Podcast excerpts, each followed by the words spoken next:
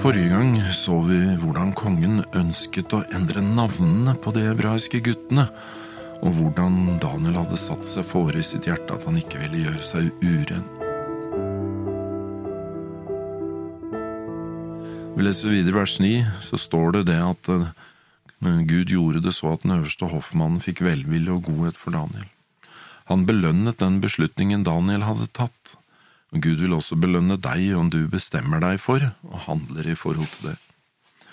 De fikk en tidagers prøveperiode, og da hoffmannen sjekket dem etter de ti dagene, så står det at de så bedre ut.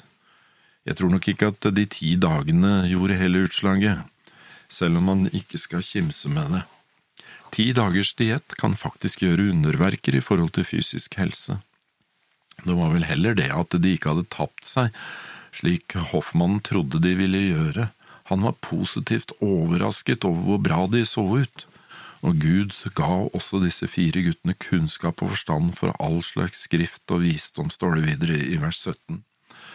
Daniel forsto seg også på alle slags syner og drømmer. Legg merke til det. Gud ga visdom og forstand. Nå tror du kanskje at dette er noe som var spesielt for Daniel, kanskje han hadde medfødte evner, muligheter som du ikke har men legg merke til at det står at det var Gud som ga kunnskap og forstand. Alle trenger vi det, at Gud kan gi oss kunnskap og forstand. Til og med disiplene trengte det. Det står om dem i Lukas 24 vers 45 etter at Jesus hadde stått opp igjen ifra de døde, at han møtte med dem, og det står rett ut i teksten, da åpnet han deres forstand, så de kunne forstå Skriftene. Hvorfor forsto de ikke før? Hva var det som stengte for det? Jeg tror det hadde noe å gjøre med ambisjonene som disiplene hadde.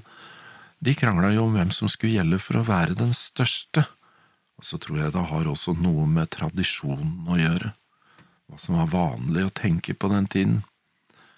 Gud kan åpne vår forstand også, og det som er nøkkelen, er å erkjenne sin egen åndelige blindhet og å sette seg for i sitt hjerte bestemme seg for å ikke gjøre seg uren.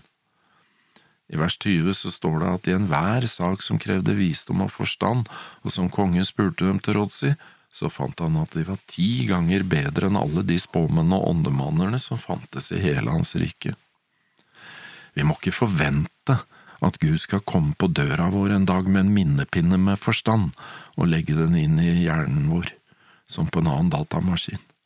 Han gir oss visdom og forstand når vi søker den av hele vårt hjerte og ber om den. I Matteus 13, vers 44–46, i lignelsen om skatten og perlen, så viser Jesus oss helt klart at vi må til å søke for at vi skal kunne finne. Og la ikke det som du tror er dine evner eller mangel på evner, hindre deg. Be Gud om lyst, be Han om å få visdom. Jakob han skriver i brevet sitt i kapittel 1 og vers 5. Om noen av dere mangler visdom, da må han be til Gud, for Gud gir alle, villig og uten bebreidelse, og så skal han få den. Tror du det? Vi er uten unnskyldning og vi mangler visdom, for vi har Jesu eget ord i Johannes kapittel 6 og vers 45. Det står skrevet hos profetene, og de skal alle være lært av Gud. Hver den som hører av Faderen og lærer, kommer til meg. Så det har egentlig ikke så mye å si hvor stor visdom vi har i utgangspunktet, for vi kan be til Gud, og så skal Han gi oss. Sitatet var hentet fra Gamle testamentet, det sto skrevet hos profetene, sa Jesus, og du finner det i Jesajas kapittel 54 vers 13. Alle dine barn skal være lært av Herren, og dine barns fred skal være stor. Jeg har lyst til å gjenta det enda en gang. Be Gud om å gi deg kunnskap og visdom. Husk på de to disiplene som var på vei til Emmaus på oppstandelsesdagen. De forsto ikke noe av Jesu misjon. Dumt hadde de bare spurt Jesus om han var den eneste der i byen som var uvitende. Selv når Jesus hadde slått seg lag med dem på veien og etter hvert åpner og serverer livets brød for dem mens de går, så forstår de fremdeles ingenting, selv om Jesus sin utleggelse faktisk er så kraftfull at hjertene brant i dem. Først når Jesus senere, etter at de har invitert ham inn, velsigner brødet, og jeg tror jo det har litt å gjøre også med det brødet som han brøt for dem på veien. Da først så forsto de hvem Jesus var. Du må invitere Jesus inn også og be han om å velsigne din mat og din vin. Du må bønnfalle han om å åpne også din forstand, slik at du kan forstå Skriftene. Jakob han skriver i kapittel 3 og vers 17, men den visdom som kommer ovenfra, er først og fremst ren. Dernest er den fredsommelig, rimelig, ettergivende, full av barmhjertighet og gode frukter. Den gjør ikke forskjell, den hykler ikke. Og i Ordspråkene kapittel 2 vers 3 til 6, ja, dersom du roper etter innsikt og løfter din røst for å kalle på forstanden, dersom du leter etter den som heter sølv og graver etter den som heter skjulte skatter, da skal du forstå Herrens frykt og finne kunnskap om Gud, for Herren er den som gir visdom, fra Hans munn kommer kunnskap og forstand.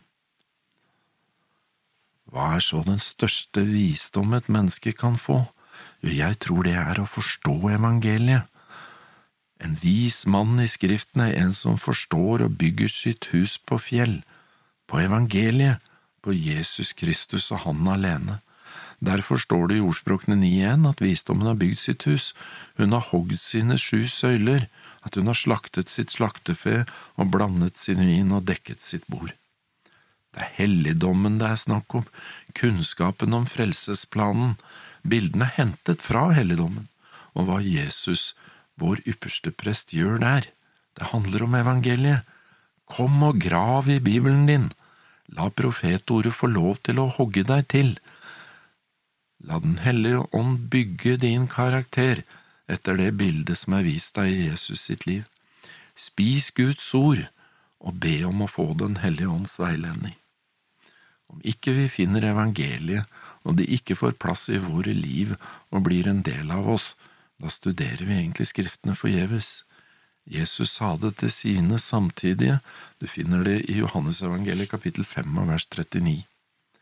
Dere gransker Skriftene fordi dere mener at dere har evig liv i dem, og disse er det som vitner om meg.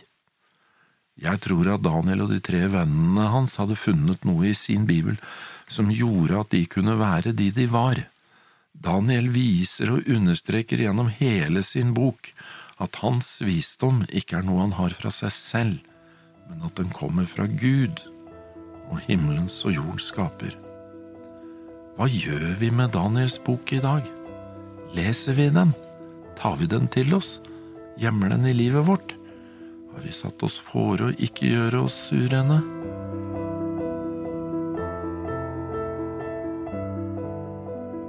Neste gang så skal vi se litt mer på kapittel to.